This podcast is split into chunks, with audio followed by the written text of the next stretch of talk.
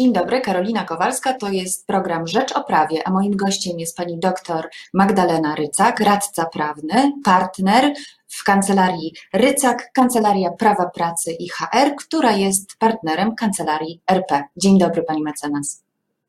Dzień dobry, pani redaktor, dzień dobry państwu. Pani mecenas, chciałabym porozmawiać o zakazie konkurencji, która wiem, że jest jedną z Pani specjalności, a który jest, wydaje się, bardzo e, ciekawy w dobie pandemii. Chciałabym zapytać, czy coś się zmieniło w tych przepisach w związku z epidemią COVID? Mm, tak, zmienił się. Jest jeden przepis, e, który na czas epidemii e, zmienia jakby dotychczasowe przepisy. E, zgodnie z ustawą z marca, z 2 marca 2020 roku, pracodawca, który ma podpisaną umowę o zakazie konkurencji z pracownikiem po ustaniu stosunku pracy, może taką umowę wypowiedzieć za siedmiodniowym okresem wypowiedzenia. Czyli nawet jeśli w takiej umowie o zakazie konkurencji po ustaniu stosunku pracy e, pracodawca nie zawarł takiej klauzuli o możliwości jej wypowiedzenia, bo też można takie klauzule w takich umowach zawierać e, też normalnie na normalne czasy, to Teraz w czasie epidemii może też, pomimo że takiego, takiej klauzuli nie ma, może taką umowę wypowiedzieć. To wiąże się z mm, jakimiś mm, problemami w związku z tym, na przykład dla pracownika. Dla kogo to jest korzystniejsze? Czy dla pracownika, czy dla pracodawcy? Rozwiązanie tak ogólnie rzecz ujmując, na pewno jest korzystniejsze dla e, pracodawcy z tego względu, że mm, no, pracodawcy różni mają teraz e, różne problemy finansowe i wypłacanie odszkodowań e, byłym pracownikom z tytułu przestrzegania zakazu konkurencji po ustaniu zatrudnienia może być e, teraz dla części pracodawców poważnym e, obciążeniem finansowym. W związku z tym pracodawca może sobie zrobić taki rachunek zysków i strat, co zyska, co straci, wypowiadając taką umowę i no, zdecydować się na jej wypowiedzenie, bo trzeba pamiętać, że jeśli strony w umowie o zakazie konkurencji po ustaniu zatrudnienia mm, nie przewidziały w tej umowie możliwości jej wypowiedzenia, to rozwiązanie takiej umowy jest możliwe wyłącznie na mocy porozumienia stron, a pracownik może też nie mieć w tym y, interesu, żeby taką umowę rozwiązać. Były pracownik oczywiście, tak? Bo pamiętajmy, że z tytułu umowy o zakazie konkurencji po ustaniu zatrudnienia były pracodawca ma obowiązek wypłacać e, swojemu byłemu pracownikowi odszkodowanie.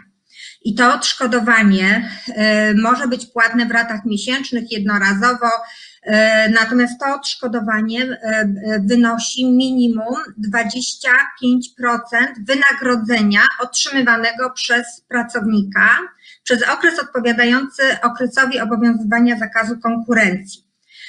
Czyli jeżeli na przykład umowa o zakazie konkurencji jest podpisana na 3 lata po ustaniu zatrudnienia, to bierzemy pod uwagę wynagrodzenie pracownika e, otrzymywane przez 3 lata przed ustaniem zatrudnienia, z tym, że w skład tego wynagrodzenia wliczamy wtedy wszystkie składniki wynagrodzenia, które pracownik otrzymywał, takie jak właśnie premie, e, wynagrodzenie za godziny nadliczbowe, także nie tylko wynagrodzenie zasadnicze e, i minimum te 25% pracownik powinien otrzymywać. E, często zdarza się, że e, te odszkodowania są wyższe niż e, to 25% wynagrodzenia, w związku z czym no, nie trudno sobie wyobrazić, że no, w dzisiejszych czasach dla wielu pracodawców może to być po prostu zbyt duże obciążenie. Pani mecenas, co znaczy w takim razie, że już nas nie obowiązuje ten zakaz konkurencji? Czy jeżeli na przykład miałam podpisaną taką klauzulę w umowie o pracę i teraz e, tracę tę pracę, jednocześnie mój były pracodawca mnie zwalnia z tej e, klauzuli, to znaczy, że rozumiem z tego, z tego przepisu, to znaczy, że mogę iść do pracy w konkurencyjnej firmie, tak? To jest tak, że umowa, e, umowa o zakazie mm, e, konkurencji po ustaniu stosunku pracy e, jest odrębną umową od umowy o pracę. Także tu to jakby nie wchodzi w treść umowy, w treść umowy o pracę, ponieważ można powiedzieć, że zaczyna obowiązywać dopiero po rozwiązaniu stosunku pracy. I teraz, jeżeli e, pracodawca wypowie nam taką, były pracodawca wypowie nam taką umowę e, o zakazie e, konkurencji po ustaniu stosunku pracy, to oczywiście może oznaczać, że my możemy się zatrudnić u konkurencji, natomiast trzeba pamiętać zawsze, że i tak obowiązują nas przepisy ustawy o przeciwdziałaniu nieuczciwej konkurencji.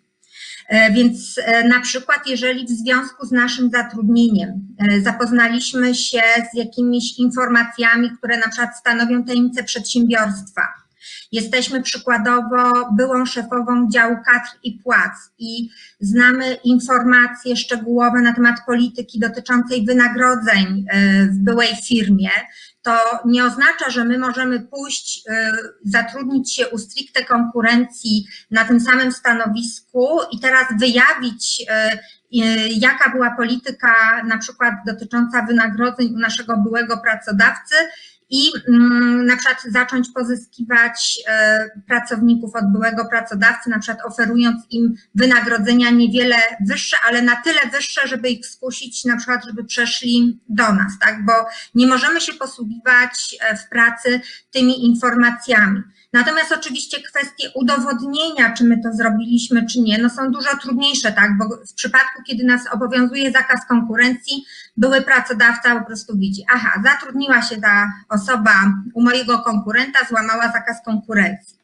A w tej sytuacji no, musi jeszcze ten były pracodawca udowodnić, że no, to, że się zatrudniła, no to już nie ma zakazu konkurencji, tak, ale że jeszcze zdradziła e, tajemnicę przedsiębiorstwa, tak, i to jest no, znacznie e, utrudnione, dlatego często właśnie z tego względu pracodawcy te umowy o zakazie konkurencji z nami podpisują.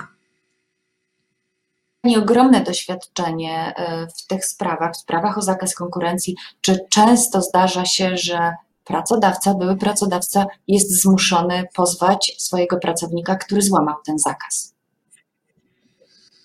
Zdarza się to oczywiście, e, pozywanie byłych pracowników. Czasami też się zdarza, że były pracodawca po czasie e, e, otrzymuje informacje, na przykład wypłaca regularnie to e, odszkodowanie, a na przykład po pół roku dowiaduje się, że były pracownik jednak złamał umowę o zakazie konkurencji, w związku z czym złamał ten zakaz, w związku z czym no, oczywiście też często w tych umowach o zakazie konkurencji są na przykład przewidziane kary umowne. Mówię o umowach po ustaniu stosunku pracy.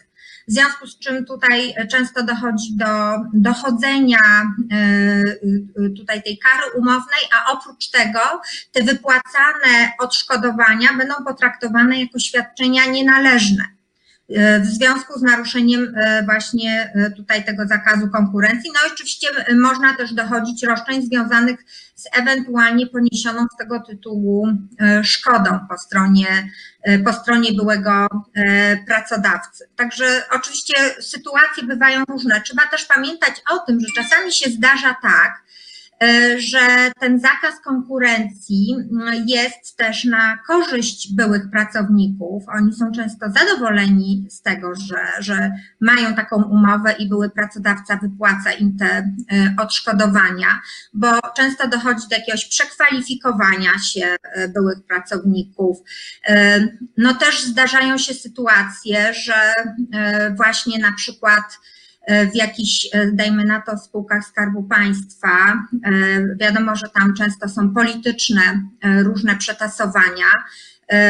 I właśnie te umowy o zakazie konkurencji, na przykład po ustaniu zatrudnienia, przewidują, przewidują wysokie odszkodowania dla osób, które mają dostęp do szczególnie ważnych informacji, właśnie jako takie zabezpieczenie, że jak się zmieni układ na przykład polityczny, to zostaną oni zabezpieczeni. Także sytuacje, sytuacje są różne i nie można tak jakby zero-jedynkowo powiedzieć, że, że to jest zawsze w jakimś interesie tylko wyłącznie pracodawcy, bo często też i pracownicy mają interes w tym, żeby taką umowę o zakazie konkurencji po ustaniu zatrudnienia podpisać. Bo pamiętajmy, że my mówimy teraz o akurat o umowie o zakazie konkurencji po ustaniu zatrudnienia i tego typu umowy mogą być podpisywane wyłącznie z tymi pracownikami, którzy mają dostęp do szczególnie ważnych informacji.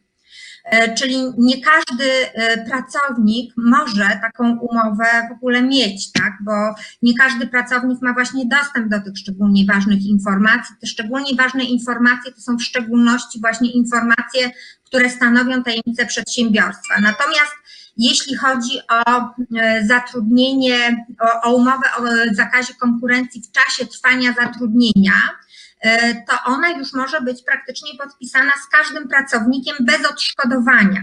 Także tutaj trzeba jakby te dwie umowy wyraźnie, e, wyraźnie oddzielić, bo e, no zdarzają się też oczywiście umowy w trakcie trwania zatrudnienia i tu nie możemy z tego tytułu, jeżeli nam tego pracodawca nie przewidział w takiej umowie, nie możemy dochodzić żadnego dodatkowego odszkodowania. A czy takie umowy zawierają jakieś pułapki? Czy pracownik, który na przykład podejmuje pracę dopiero teraz, bo wiemy, że ruchy na rynku są ogromne, powinien na coś szczególnie uważać, jeżeli pracodawca chce z nim podpisać mhm. taką umowę? E, oczywiście e, pułapki mogą być tutaj różne, ale też nawet nie tyle co pułapki, co po prostu źle zapisane e, umowy. E, często na przykład e, z tego, co z moich doświadczeń wynika, że na przykład zakaz, zakres zakazu konkurencji jest zbyt ogólny. Jest na tyle ogólnie napisany, że właściwie pracownik nie wie, czy on w ogóle cokolwiek może robić, tak? Jeśli chodzi na przykład o takie klauzule umowne, teraz mówimy o umowie o zakazie konkurencji w trakcie trwania zatrudnienia, w której na przykład pracodawca przewiduje zakaz podejmowania na przykład dodatkowego zatrudnienia. To tu od razu powiem, że Sąd Najwyższy w kilku orzeczeniach stanął na stanowisku, że taka klauzula w zakresie, w którym wykracza poza działalność konkurencyjną wobec pracodawcy jest nieważna. Czyli e, w części, w której pracownik podjąłby się mm, tutaj zatrudnienia konkurencyjnego, to, to go obowiązuje. Natomiast jeżeli dajmy na to osoba, która e, jest pracownikiem e, biurowym, a jednocześnie po godzinach pracy na przykład prowadzi sprzedaż przez Allegro, dajmy na to, E, to taka mm, działalność e, e, no, może nie być uznana za działalność konkurencyjną i sprzeczną z naruszającą umowę, mm, te klauzule zapisane w umowie o zakazie konkurencji. Drugą taką często występującą nieprawidłowością jest na przykład nieprzewidzenie w tej umowie z kolei o zakazie konkurencji po ustaniu zatrudnienia odszkodowania. Pracodawcom czasami się wydaje, że jak tego odszkodowania nie zagwarantują, to pracownik były i tak będzie przestrzegał tego zakazu, ale nie będą mu musieli za to płacić. I teraz e, zła wiadomość dla pracodawców takich jest taka, że jeżeli ten były pracownik przestrzega E, zakazu konkurencji, to on ma roszczenie o wypłatę mu tego minimalnego odszkodowania w wysokości co najmniej 25% wynagrodzenia otrzymywanego przez e, okres obowiązywania zakazu konkurencji. E, Kolejny, kolejnym właśnie jeszcze nieprawidłowością która się może pojawić, zwłaszcza przy umowach o zakazie konkurencji po ustaniu zatrudnienia, to jest nieprawidłowe nie, e, podpisanie tej umowy przez osobę e, nieumocowaną bez upoważnienia do podpisywania umów o zakazie konkurencji po ustaniu zatrudnienia. E, pracodawcy powinni dokładnie sprawdzić, e, czy osoba, e, która podpisała, podpisuje u nich umowy o zakazie konkurencji po ustaniu zatrudnienia, ma upoważnienie do tego, odrębne. Odrębne od upoważnienia do podpisywania czy rozwiązywania umów o pracę, bo umowa o zakazie konkurencji jest odrębną umową od umowy, od umowy o pracę. Także mm, tutaj też z tej umowy o zakazie konkurencji, też zarówno w trakcie trwania zatrudnienia, jak i po ustaniu zatrudnienia, też trzeba pamiętać, że ten zakaz ma być na tyle precyzyjnie sformułowany, że pracownik czy były pracownik dobrze E, wie e, z tego zakazu, co mu wolno, a czego mu nie wolno. To nie może być taki ogólny zakaz. E, też się spotkałam kiedyś w jednej ze spółek, która prowadziła bardzo szeroką działalność i między innymi zajmowała się też wynajmem mieszkań dla swoich pracowników i dali do podpisu e, swoim pracownikom umowę o zakazie konkurencji, również po ustaniu zatrudnienia i w trakcie trwania stosunku pracy, w których było ogólnie napisane, że wszelka działalność prowadzona przez pracodawcę. Główną działalnością tego pracodawcy e, było akurat e, transport kolejowy. W związku z czym pracownik pytał, E, to czy ja, jeśli mam własne mieszkanie i je wynajmuję, to czy ja e, naruszę jakiś zakaz konkurencji? E, no ten zakaz był po prostu zbyt szeroko napisany i w mojej ocenie tego typu działalność pracownika nie stanowi co do zasady działalności konkurencyjnej E, wobec jego pracodawcy, zwłaszcza, że wynajmował to osobom z wolnego rynku jeszcze, tak, a nie mm, pracownikom e, tej, e, tej spółki. Także tutaj, tutaj różne, różne rzeczywiście sytuacje w praktyce się zdarzają, a dodam jeszcze tylko, że czasami, czasami są to tak zaskakujące mm, sytuacje, że jakby czytając sam przepis nie bylibyśmy w stanie ich wymyśleć słuchając tego, co Pani mówi, mam wrażenie, że mm, dostając do podpisania taką umowę, powinniśmy się bezwzględnie skonsultować e, z prawnikiem i to prawnikiem, który zajmuje się zakazem konkurencji. Na pewno, do, na pewno to e, doradzam, e, bo też pamiętajmy o jednej rzeczy. E, że jeżeli my takiej umowy też nie podpiszemy, e, to zgodnie z orzecznictwem Sądu Najwyższego może to stanowić przyczynę wypowiedzenia nam umowy o pracę. E, więc warto negocjować, zanim odrzucimy e, podpisanie takiej umowy przez naszego pracodawcę, bo konsekwencje mogą być no, daleko idące, łącznie z rozwiązaniem umowy o e, pracę. No a już nie wspominając, że jeśli podpiszemy też taki zakaz i naruszymy go, to pracodawca mógłby nawet rozwiązać z nami umowę o pracę bez wypowiedzenia. To rzeczywiście to rzeczywiście mocny powód do tego, żeby się jednak konsultować z prawnikiem. Bardzo dziękuję Pani mecenas. E, moim gościem była pani mecenas dr Magdalena Rycak z Rycak Kancelarii Prawa Pracy IHR, która jest partnerem Kancelarii RP. Ja zapraszam na e, Rzecz o Prawie na wtorek i jeszcze raz serdecznie dziękuję Pani mecenas. Dziękuję bardzo Pani redaktor i e, do, do usłyszenia. Do usłyszenia.